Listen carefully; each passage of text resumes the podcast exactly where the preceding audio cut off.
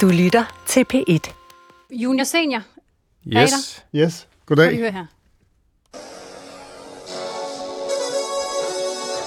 Åh oh, nej. Det er the final countdown.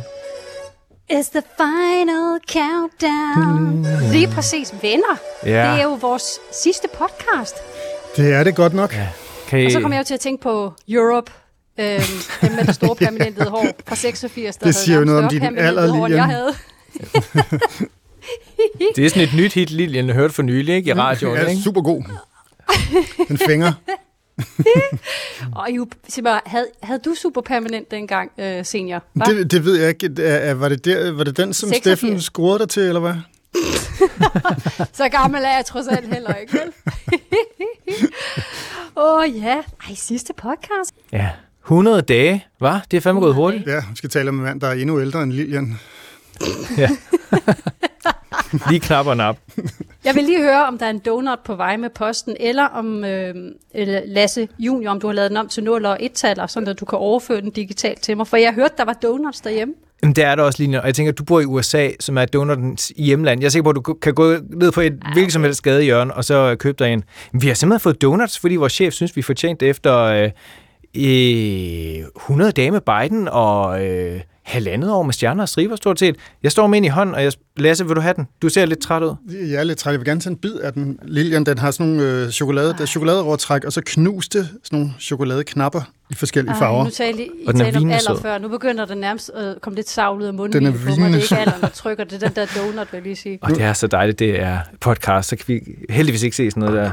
Nu spiser jeg den med det resultat, at jeg ikke Ja, så kan... nyd den da. kan koncentrere så nyd mig. den da. Så drikker jeg noget kamillete her. Nice. Er den god? Ja, den er god. Og jeg kan holde en podcast igennem.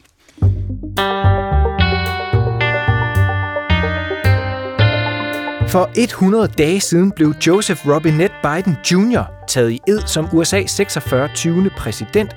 Siden da har der været fart på den 78-årige præsident. After just 100 days, I can report to the nation America is on the move again.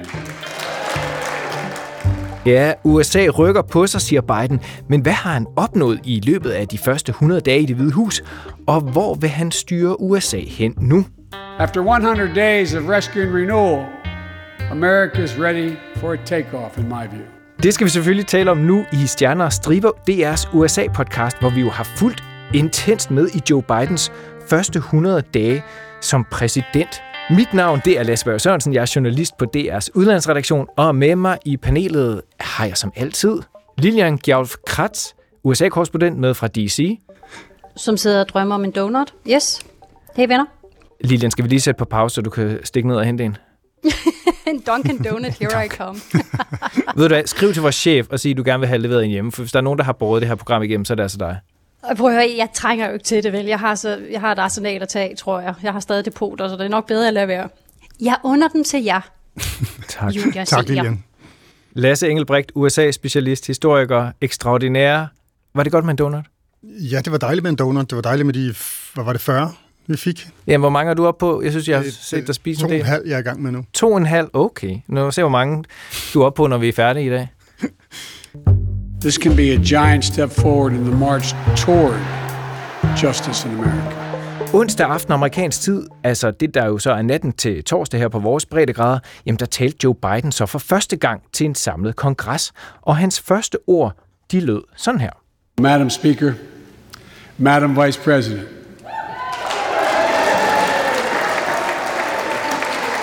no president has ever said those words from this podium. No president has ever said those words. And it's about time.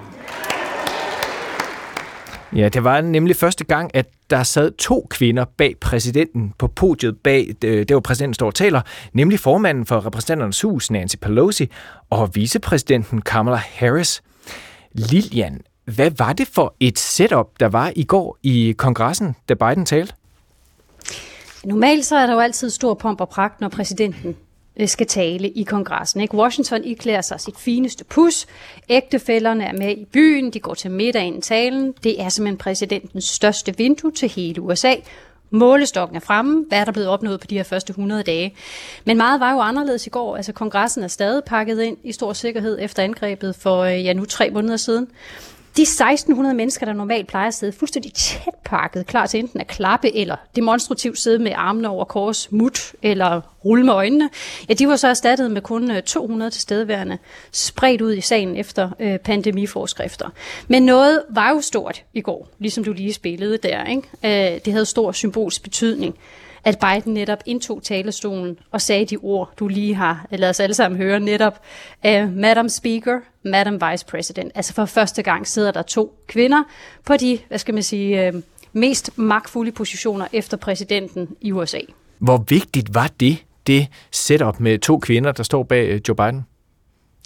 Det har en gigantisk symbolsk betydning. Altså, det signalerer jo til alle små piger, der sidder rundt omkring i det her land. Okay, normalt er vant til at se, øh, i mange år var det tre mænd, så kom Nancy Pelosi ind og blev, øh, blev formand for repræsentanternes hus, da demokraterne øh, vandt magten der. Og nu kan man altså se to kvinder, som Biden dybest set også har signaleret. øh, måske inden længe bliver det måske også en kvinde, der står forrest på, på talestolen og skal tale til kongressen og til hele USA. Uh, that's a serious question, right? It's acceptable to me. Come on. Hvad hæftede I jer så mest ved, ved den her tale, som Biden leverede?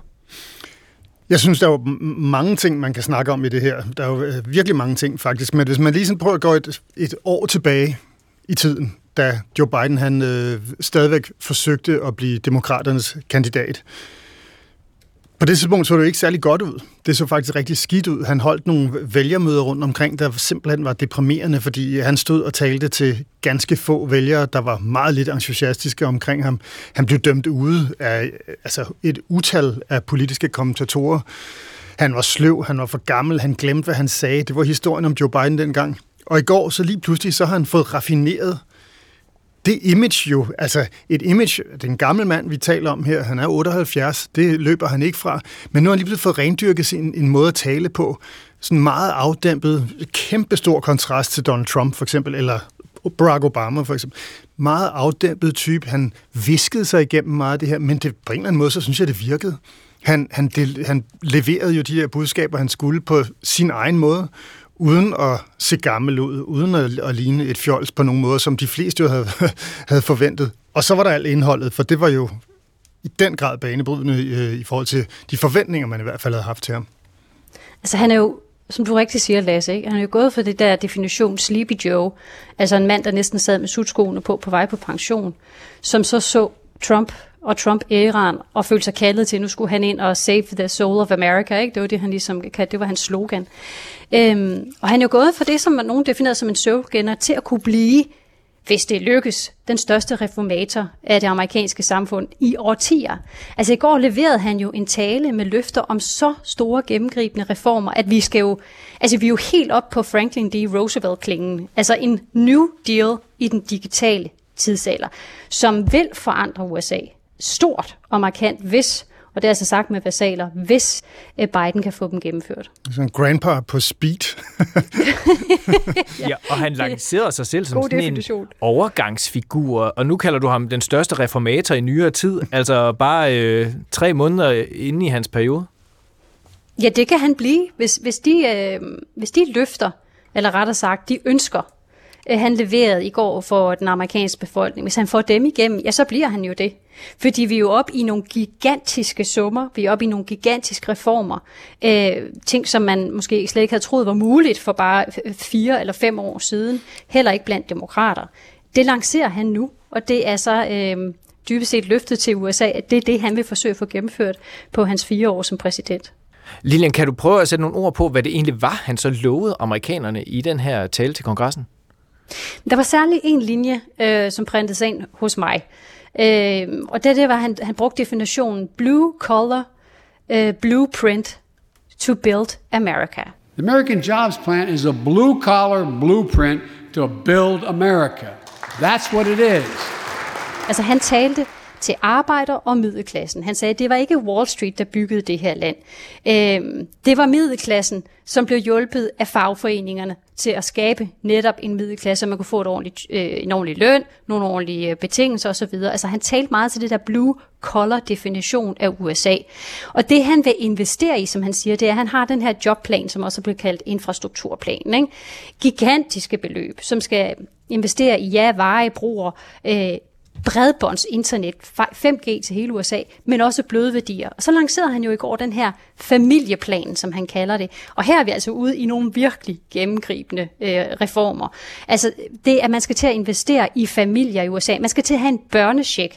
Det skal være gratis at have børn i vuggestue, eller gratis i øh, en form, som vi kender det i Danmark. Ikke? Her også skal man forstå, hvis du skal have et barn øh, passet for en familie, frem til de kan komme i det, der hedder pre-K, altså sådan øh, børnehaveklasse hjemme i Danmark, jamen så kan det jo koste alt fra 10.000 til 30.000 dollars om året. Altså det er jo noget, der nærmest kan rive øh, folks budgetter fra hinanden, og det er derfor, man ser ofte, at mange kvinder går hjemme, for det er simpelthen for dyrt, så længe børnene er små, øh, at få dem passet.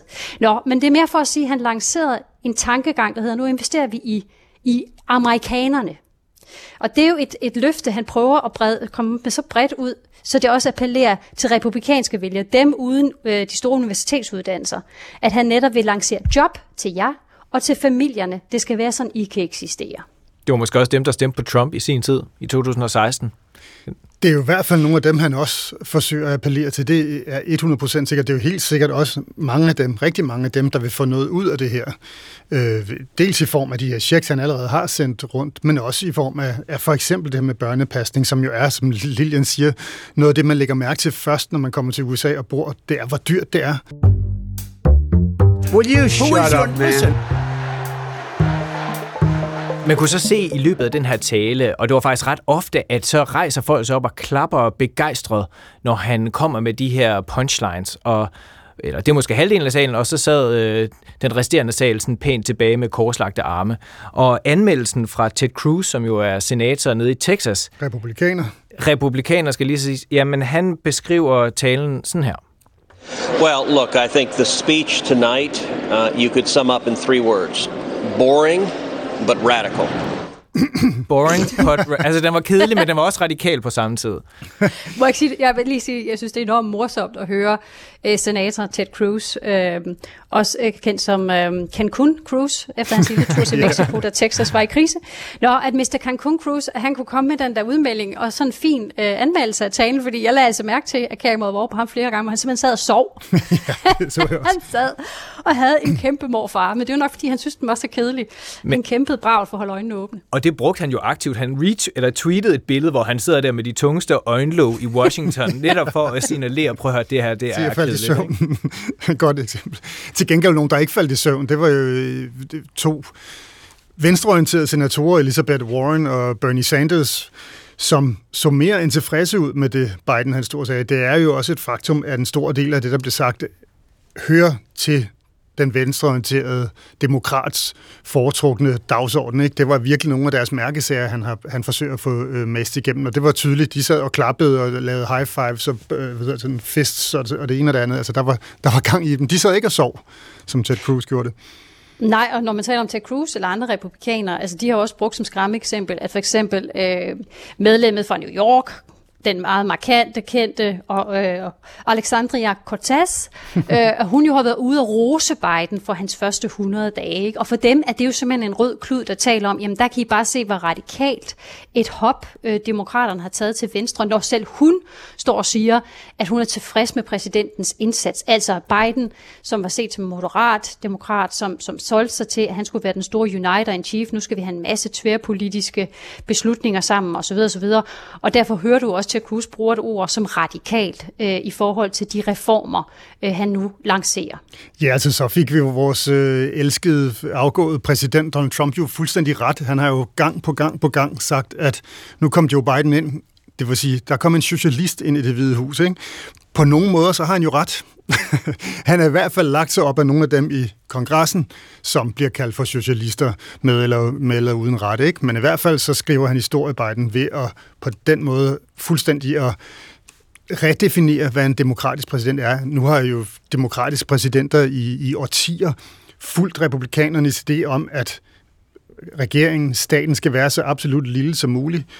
Nu gør han noget fuldstændig modsat, og han siger det direkte ud i, i, i kongressen der til amerikanerne. Øh, det er jo stort. Altså, øh, det er stort, hvis man er demokratisk, men det er jo også socialistisk, hvis man er Donald Trump og hans følgere, Ted Cruz osv.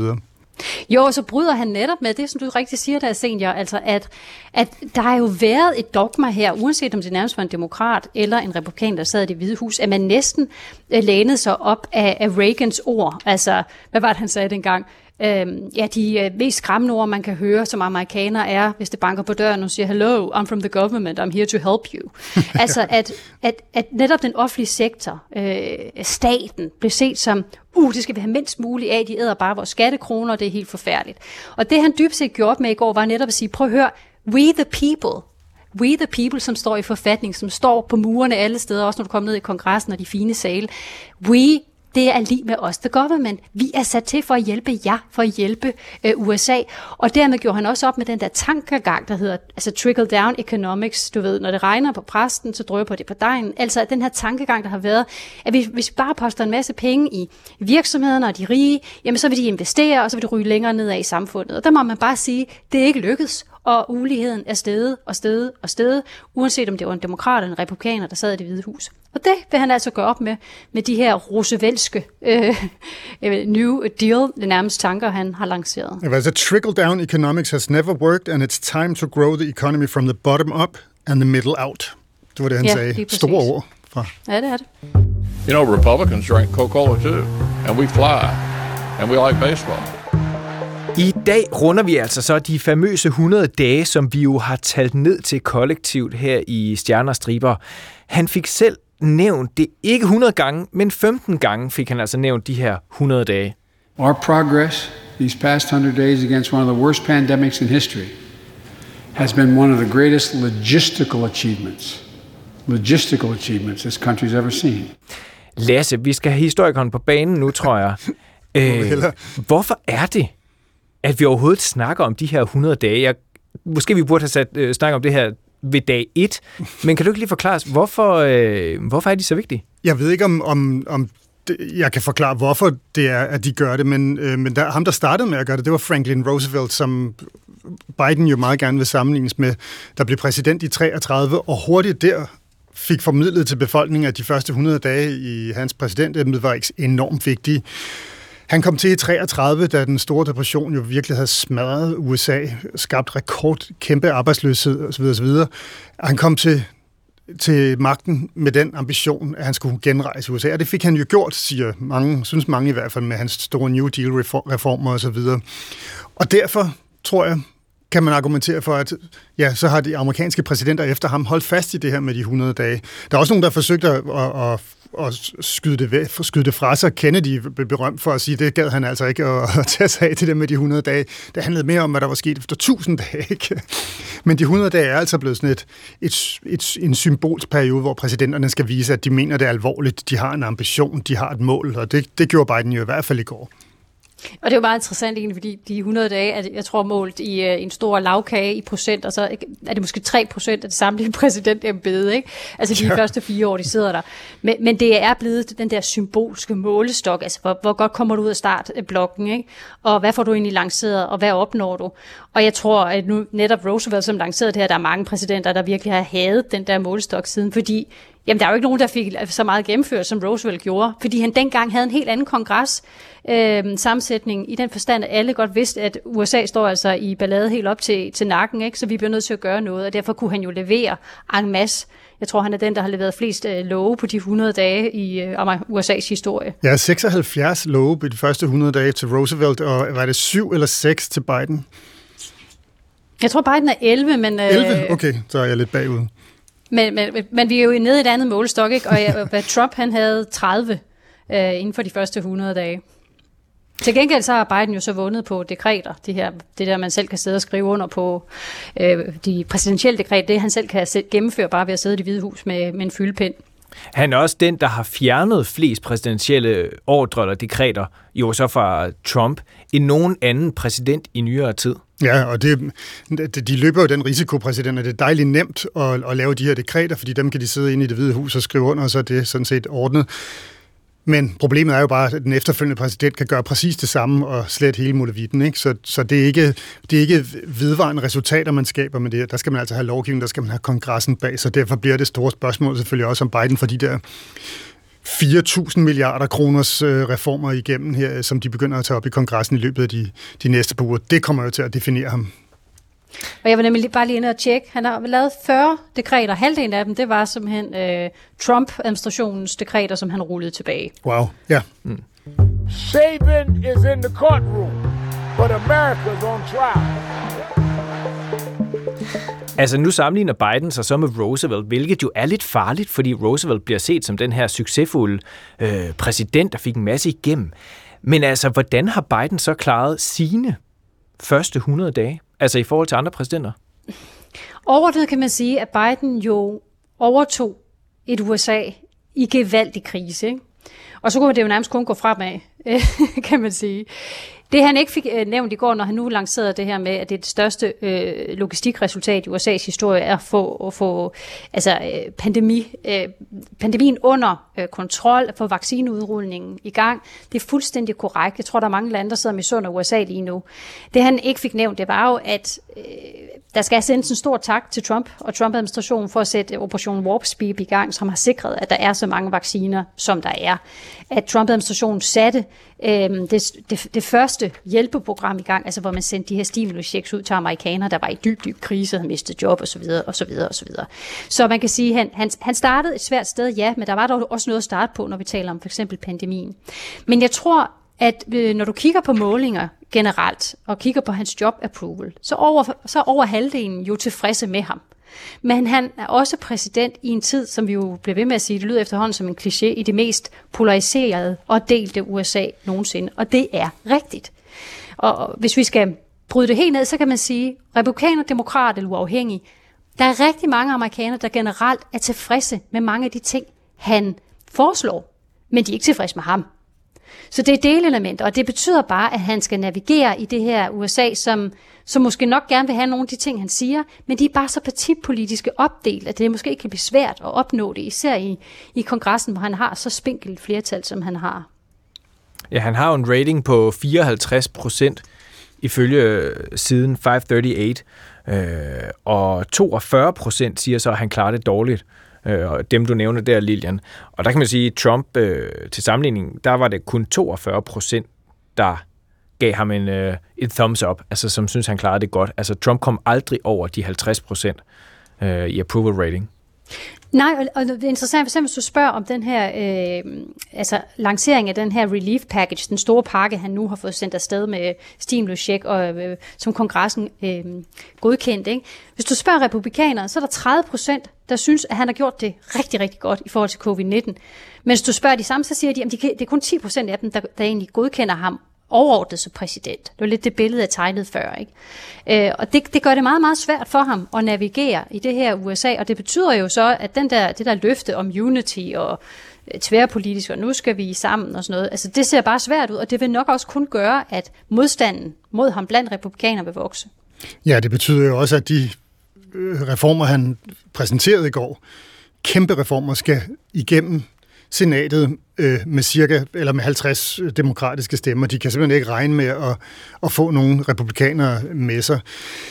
Det ser også ud som, at de muligvis skal få det, men det bliver jo svært stadigvæk. Der er flere senatorer, demokratiske senatorer, der har udtrykt øh, utilfredshed med en del af de ting. Det er blandt andet øh, opgør med hele den fossile industri i USA, kulindustrien. Joe Manchin, for eksempel. Joe Manchin, ja. Præcis, ja. Øh, der er jo enorme øh, Øh, klimaambitioner i de her reformer også, ikke? altså for eksempel at reducere udga- øh, udledningen med 50, lidt over 50 procent øh, inden 2030. Det er en kæmpe reduktion, som vil betyde virkelig meget.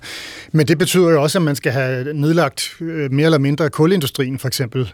Man skal stort set med nogle andre øh, standarder, der ligger i, i de reformforslag, han kommer med, have, have lukket en, en meget stor del af de amerikanske kraftværker. Så man er op imod en industri, der har en enorm magt i USA, øh, og som selvfølgelig også har enorm magt politisk, øh, og derfor får han også problemer i sit eget parti, når, når han skal have samlet stemmerne sammen.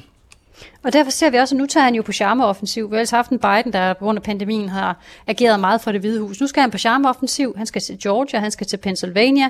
Øh, nogle af de her helt afgørende øh, stater, øh, som øh, har nærmest øh, tangeret til besvingstater. Ikke? Øh, Georgia den her gang, som tippede til demokraterne.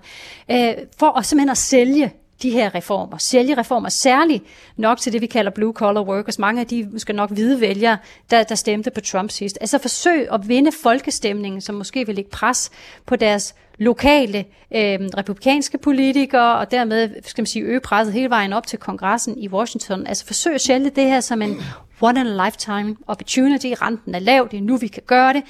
Øh, og selvfølgelig fordi, hør venner, det bliver ikke middelklassen, der skal betale for det her. Det bliver corporate America. Altså nu skal de til at betale noget mere skat, alle dem, der har en masse penge. Ikke? Q is a patriot. We know that for sure. QAnon. on. I don't know if I say it right. I don't even know what it is. Man må sige, at Biden har haft travlt. Øh, vi startede jo med den her øh, store hjælpepakke til næsten 2.000 milliarder dollars, og så er der den job- og infrastrukturplan, du snakkede om, Lilian, også til omkring et det samme beløb. Og derudover så er der også en American Families Plan, den plan, der skal hjælpe familierne, og, som du også snakkede om, Lilian. Og, og det er jo bare, altså, de økonomiske, så har han jo også haft øh, afsluttet krigen i Afghanistan. Der er Paris-aftalen, han har meldt sig ind i, øh, det der klimatopmøde, han afholdt for et par uger siden, øh, vaccinationsprogrammet, våbenlovgivningen vil han jo også have reformeret. Altså, der er fart på. Hvorfor er det, han har så travlt? Altså, er det 2022, der, øh, der står og blinker i, øh, i rødt, som de er så opmærksom på? Altså, han er jo... Vi ved jo, at han har overtaget en meget stor del af de folk, der arbejdede for Obama, så han har taget sådan et stort apparat, sådan en relativt velfungerende maskine ind, som jo når vi ser på detaljerne i de her øh, forslag, har været i gang med det her fra, fra den dag, han blev valgt, og formodentlig også før. Altså, de har været virkelig velforberedt. De har vidst, at de skulle i gang, de skulle levere noget, øh, i, fordi at de står over for et meget polariseret øh, USA. Og derfor er det jo vigtigt at handles, når du har øh, en politisk mulighed for at gøre det. Lige snart vi når midtvejsvalget, så vil det typisk, sådan går det i hvert fald ofte, så vil det, det demokratiske flertal enten i repræsentanternes hus eller i senatet forsvinde, måske begge to. Ikke? Så man skal i gang, man skal have det hele, ikke nødvendigvis inden for de første 100 dage, men, men man har altså ikke længere end frem til midtvejsvalget, hvis man, hvis man kigger lidt tilbage. Det er nok sådan, de har tænkt. Og det er et snævert flertal i begge kammer, ikke? Jo, det er meget snævert. Så snævert som det kan være, i hvert fald i senatet. Ja meget snævert flertal, og som, som du rigtig siger, Lasse, altså, nu taler vi om målestok, de 100 dage, men altså den helt store eksamen, det bliver jo netop til midtvejsvalget, derfor har de jo de har utrolig travlt med at forsøge at nå at levere resultater, altså resultater, som den enkelte amerikaner kan mærke i deres eget liv. Altså kan jeg lige pludselig øh, sende mit barn i vuggestue, som er til at betale? Får jeg lige pludselig et job, fordi nu er vi ved at lave en ny grøn energisektor. Jeg får et job, jeg har altså været arbejdsløs længe. Pludselig dukker der noget op her i min øh, stat, øh, hvor jeg kan kunne finde job i, jeg ved ikke hvor lang tid. Vi får en check i postkassen, så vi har råd til at gå ud og, og så videre, og så videre. Altså jo mere han kan levere de der kitchen table issues, du ved, det der man virkelig mærker derhjemme ved køkkenbordet, jo mere kan de jo nå at, hvad skal man sige, ændre øhm, temperaturen blandt amerikanerne i forhold til, hvem vil du støtte til midtvejsvalget. Øh, og, og som du rigtig siger, Lasse, så har der traditionens tro historisk set jo vist, at ofte så kommer der et modtryk den anden vej, og så mister øh, præsidenten ofte øh, en af kammerne. Ikke? Og derfor har de travlt i et forsøg på, at det ikke skal ske. Det er også et kæmpe sats, fordi altså, det er jo ikke hver dag, man ser så store offentlige udgifter øh, blive annonceret, for at sige det mildt overhovedet ikke hver dag, øh, ingen gang hvert årti i det lys, så har han jo på den ene side kan man sige, øh, så satser øh, Biden-administrationen på, at de kan skabe nogle helt konkrete økonomiske fordele for en hel masse amerikanere, der vil gå ud og stemme på den. På den anden side kan de også risikere, hvad sker der, hvis inflationen pludselig går mok? Altså, hvad sker der så? Kommer der nogle øh, lidt uventede øh, ting udefra, eller større økonomiske øh, ting, der spiller ind i det her og presser økonomien, så er de her store offentlige udgifter en kæmpe hemsko for den amerikanske økonomi og så kan det hele falde på gulvet med et brag. Demokraternes popularitet kan ryge osv. osv. Så det er jo et stort sats, det her.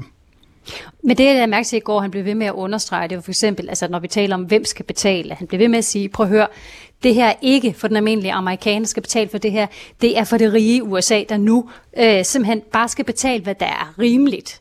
Øhm, han, han kom med eksemplet med øhm, en af de store succes, succeser, øh, Trump-administrationen jo solgte sig på, det var den der store, de kaldte det en, en tax reform, øh, men det var jo dybest set en omgang skattelettelser, fordi den var ikke finansieret. Og dengang der blev det jo solgt det her billede af, lidt ligesom det der trickle-down economics, altså nu giver vi de her store skattelettelser, for eksempel til de store virksomheder, øh, de rigeste i USA, øh, og på den måde så vil det gavne nedad i samfundet. Og det han jo øh, rigtig påpegede i går, det var, at øh, det skyllede jo ikke penge ud i samfundet, skyllede mere penge ned i lommeforet på, på de rigeste. Jeg tror, han kom med at sige, at de 650 rigeste mennesker i USA blev 1 trillion dollar øh, rigere øh, siden den der skattereform. Ikke? Øh, og, og, og slog dermed fast også, at han gik efter de her gigantiske virksomheder, som ikke betaler øh, federal tax, på grund af, at de kan benytte alle de her loopholes og hvad ved jeg.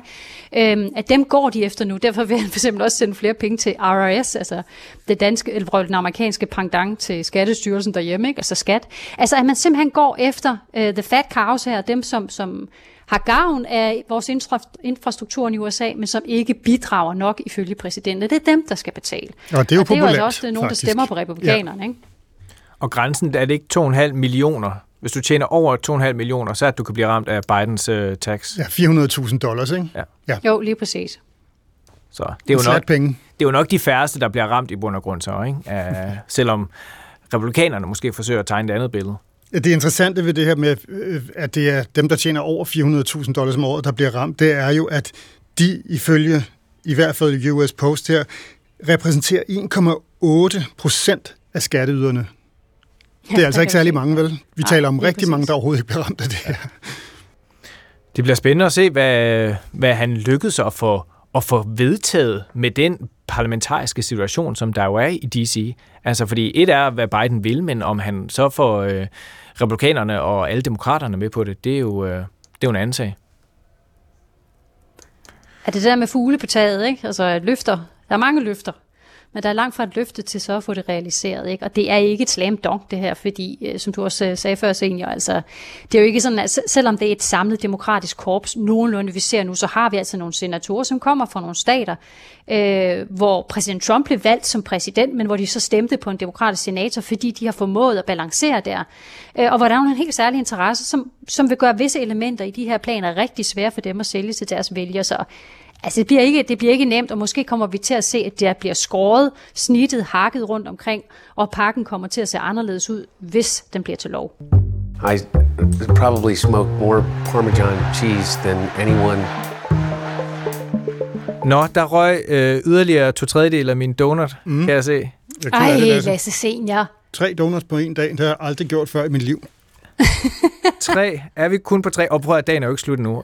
Jeg er ret sikker på, at der står flere nede Hvad på angår redaktionen. donuts, er den slut, kan jeg afsløre. Prøv, jeg, jeg vil lige lancere, et, jeg, jeg, jeg, kan, jeg vil skynde mig at sige, det er ikke med empirisk data bagved, men jeg mener at kunne få fået fortalt en gang, at i et forsøg med rotter, der fik øh, præsenteret både kokain og så donuts, Øhm, over en vis periode. Altså til sidst så gik de målrettet efter donuts mere end kokain. Bare for at sige, hvor vanedannende sådan nogle donuts kan Uden blive. nogen sammenligning med mig i øvrigt. Uden sammenligning i øvrigt. Synes jeg bare lige, du skulle vide det. Når du der klokken to om natten lister ned i køkkenet og står og propper dig med donuts. Hvis man udsætter Lasse i for ro- eller og rotter for kokain og donuts, så foretrækker de efter længe og langt kokainmisbrug en donut. Hvis man hører det her, så kan det altså ikke anbefales at spise for mange donuts. Det er lige sådan en uh, parental advising her. Yes, ladies and gentlemen, the best is yet to come. Nå, venner, øh, den her podcast, Stjerner Striber, den begyndte jo faktisk helt tilbage i januar sidste år, øh, som en optakt til præsidentvalget i november. Og den skulle jo egentlig have sluttet efter valget den 3. november. Så fortsatte den helt frem til indsættelsen i januar i år. Og ja, så har vi altså også fulgt Bidens første 100 dage i det hvide hus. Spørgsmålet er jo så, om det måske er ved at være tid til at prøve noget nyt. Som I måske husker, så sagde Donald Trump sådan her, da han var på vej ud af døren i januar. The things that we've done have been just incredible, and I couldn't have done them, done it without you. So just a goodbye. We love you. We will be back in some form. Farvel, vi elsker jer, og vi vender tilbage i en eller anden form. Det er jo lige netop det, vi gør. Men altså, der er jo andre ting i verden end lige USA. Og det næste store, vigtige valg i kalenderen, jamen det er jo det tyske valg til september. Jeg laver lige en trommesolo. Da-da! Deutschland. Da-da! Derfor der tager stjerner og striber til Tyskland. Og det kan vi jo selvfølgelig ikke gøre uden vores øh, internationale korrespondent, fru, eller frau, skal jeg måske mere sige, øh, Stephanie Suryk. Fräulein Zurück. Mademoiselle, s'il vous plaît. Hej Stephanie. Mademoiselle Suryk? Hallo? Hallo? Hallo, Stephanie. Hej Mademoiselle Suryk? Halleluja. Halleluja. Har du helt glemt, nej, hvordan man hvor laver er det podcast? Hyggeligt. Prøv at høre, jeg har hængt og ventet på jeres sløve æsler i 30 minutter uden problemer. Og da jeg så skal igennem, så er der ikke noget lyd, og da jeg så går op igen, så er jeg ligesom smidt af forever. Ah. Du har ferie for længe, tror jeg.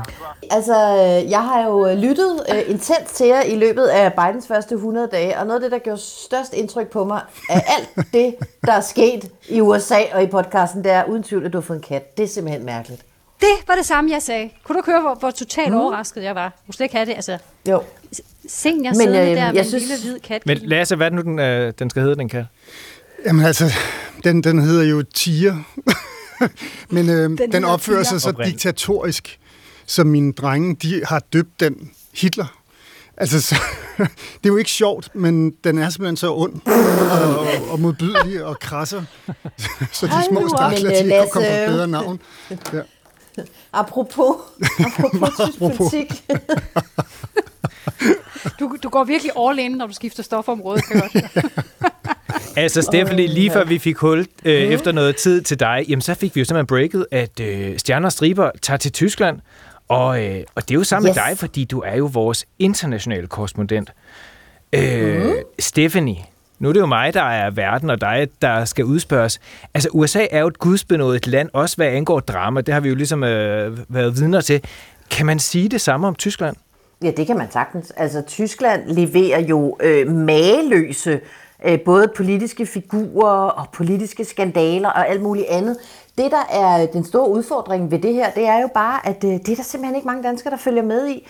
Det er jo absurd, at det er vores øh, naboland, og danskere i gennemsnit ved jo cirka 3.000 gange mere om, hvad der sker øh, i USA i politik, i kultur, i alt muligt, end, øh, end de ved, hvad der foregår i Tyskland. Så jeg vil sige, at øh, I solemnly swear, at vi skal gøre alt, hvad vi kan på stjerner og striber, for at overbevise vores brugere om, at øh, tysk politik faktisk er lige så sjovt som amerikansk politik. Det eneste, de skal gøre, det er at lade være med at flygte og tænke, åh oh, nej, tysk politik, det lyder kedeligt. I skal give os en chance og lytte efter, fordi jeg er sikker på, at det bliver altså, sygt sjovt at lave. Jeg vil lige høre, hvordan siger man the best is yet to come på tysk? Mit tysk det er simpelthen så rusten, jeg har nærmest glemt det. Der, das Beste kommt noch. Bedste kommt noch. Åh, Åh, oh, Gud, og de sagde det i kor, Lasse. Ja, men det, det tegner godt for fremtiden, det her. Den jingle, den får I lige Bedste lavet. kommt noch. Altså, det tyske valg, det er jo først til september, men altså, vi begynder jo allerede at varme op i juli med nogle sædudsendelser om den afgående kansler Angela Merkel, som jo siger farvel og tak efter 16 år på tronen. Mutti. Øh, I præcis. Og det er jo Altså, med prøv øh, at Tysklands høre. korrespondenten Michael Reiter og dig, Stephanie. Ja, og altså der vil jeg bare lige sige om øh, frau Merkel, at øh, hun er her jo, altså hun er jo en af verdens mest magtfulde kvinder, og så har hun jo siddet på den der post tungt og godt, siden man måtte øh, øh, ryge i de danske S-tog, det vil sige en evighed, siden øh, 2005. Det er fuldstændig vildt. Det fortjener simpelthen, at vi, øh, vi, vi nørder løs på, øh, på den her dame i, øh, ja, der vil jeg sige, ned i mindste grad. Og øh, vi gør det med Reiter, fordi Michael Reiter, vores gode mand i øh, Berlin, han, altså, han er jo... Øh, vi elsker jo nørder på, øh, på Stjernestribe, og der vil jeg bare sige, Reiter han får fuld plade, fordi han får julelys i øjnene, når han får lov til at tale om, øh, om tysk politik, og han kan tale i timevis, og han er aldrig kedelig. Øhm, så han bliver altså vores nye husmand. Det glæder jeg mig meget til. Og så man klædt godt på Reiter. til august, når vi øh, virkelig går i gang og øh, begynder at snakke og nørde øh, løs med det tyske valg. Mm, præcis. Det betyder jo ikke, at Stjernestriber aldrig nogensinde mere tager til Amerika. Men altså lige nu, der tager vi altså en uh, tur til Tyskland her efter sommerferien. Det bliver skide Jeg kan jo godt. lige så godt sige det. Jeg kommer til at savne jer. Mm. Men jeg vil lytte med. Jeg tænker, at det gælder bare lige om at finde en hurtig vinkel på det tysk-amerikanske forhold. Ikke? Bum, så har vi Lilian i igen. Vupti, så er jeg nok lige med i æderen der. Når Biden tager til. Berlin, så, øh, så er Ja, det altså lige dig, vi hiver præcis. fat i, øh, Lilian. Så sidder jeg med min Dunkin' Donuts mm. og prøver at mase mig ind til bratwursten. Lasse, hvad synes du om tysk politik? Hvad synes jeg om tysk politik? Altså, jeg er jo mm. altid blevet tvunget af min far til at, at interessere mig for Tyskland. Øh, Hivet på mm. ferier. Øh, han tvang mig nærmest også ind på en uddannelse, hvor jeg skulle læse tysk historie i flere år. Så, så ja, det startede med noget tvang, og så startede med en hel masse nazi-historie. Men så lige så stille, så fik jeg jo nogle venner i Berlin og så videre, så jeg har jo egentlig, jeg har det meget godt med det. Og hvis jeg er sammen med dig og Reiter, så vil jeg jo godt indrømme, selvom jeg ikke er meget for det, at så bliver det sgu sikkert ret hyggeligt. Og jeg er simpelthen så glad for, Og så at historikeren lige- stadigvæk er der. Historiker. Jeg skulle lige til at sige det. Vi fik lige Det- flettet ind, det at gør mig øh, Lasse er hushistoriker igen Til at holde dig i kort snor, Stephanie, ikke? Ligesom det var blevet nødvendigt i USA. Ja, præcis. Og, jeg er meget, jeg er meget, og så har du en kat, der hedder Hitler. Du er jo fuldstændig øh, perfekt castet til det her. Det er skide godt. Det er skide godt. Vi mangler bare for Lilian med en gang imellem, så øh, ja. Åh, oh, ja. Nå, Hvor bliver det fedt. vi skal Og altså til at runde af. Du skal Nå. altså lige have en konfettikanon herfra også. Kapuf! Nu har jeg ikke lige fået den med op. Fordi du har simpelthen styret supertankeren så fint siden, at Stephanie lige må skulle have en lille break. Ja, tak. Jeg siger bare, jeg har i hvert fald hygget mig helt vildt med at høre med. Jeg kunne godt tænke mig lige at bare lige få ryddet op i én ting, og det er Lasse Junior.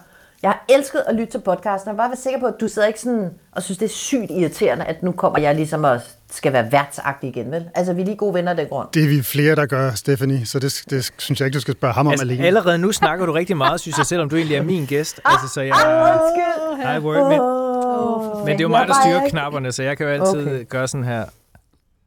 Simpelthen lige skrue ned der. Lad mærke til, at han ikke svarede på Mutede du hende lige, eller hvad? Ja, der, der har jeg det så godt med Stephanie. Vi glæder os til at få det tilbage. Det er godt. Jeg glæder mig også. Nå, vi skal altså til at runde af og sige tak til Joe Biden. Og, mm. øh, og så husk, vil I sige øh, det med mig i går, nu har vi øvet os. Deres bedste kom nok.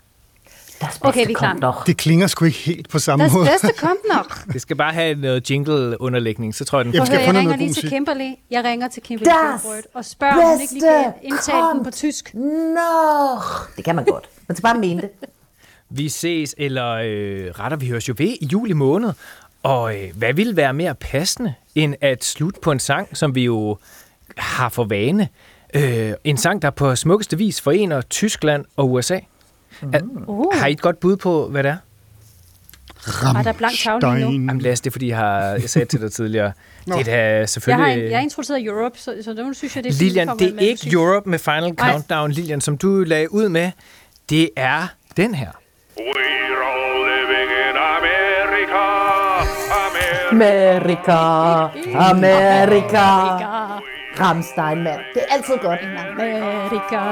Det er Rammstein. Kan I mærke, stjerner striber tager til Tyskland? Det bliver godt. Yes. Nu sidder jeg headbanger med mit hår. Yes. Ja, så er der altså øh, nye toner wunderbar. i podcasten. Det er godt. Prøv at høre, tak for rejsen, venner, og videre god rejse. Jeg glæder mig til at lytte til jer. Tak for det, Lilian. Lilian. Kæmpe kram. Tak. Til gruppekram. Gruppekram. Auf. Wiederhören. Auf Wiederhören. Auf. Wiederhören. Auf Wiedersehen. Auf Wiener Schnitzel. Hej, hej. Hej.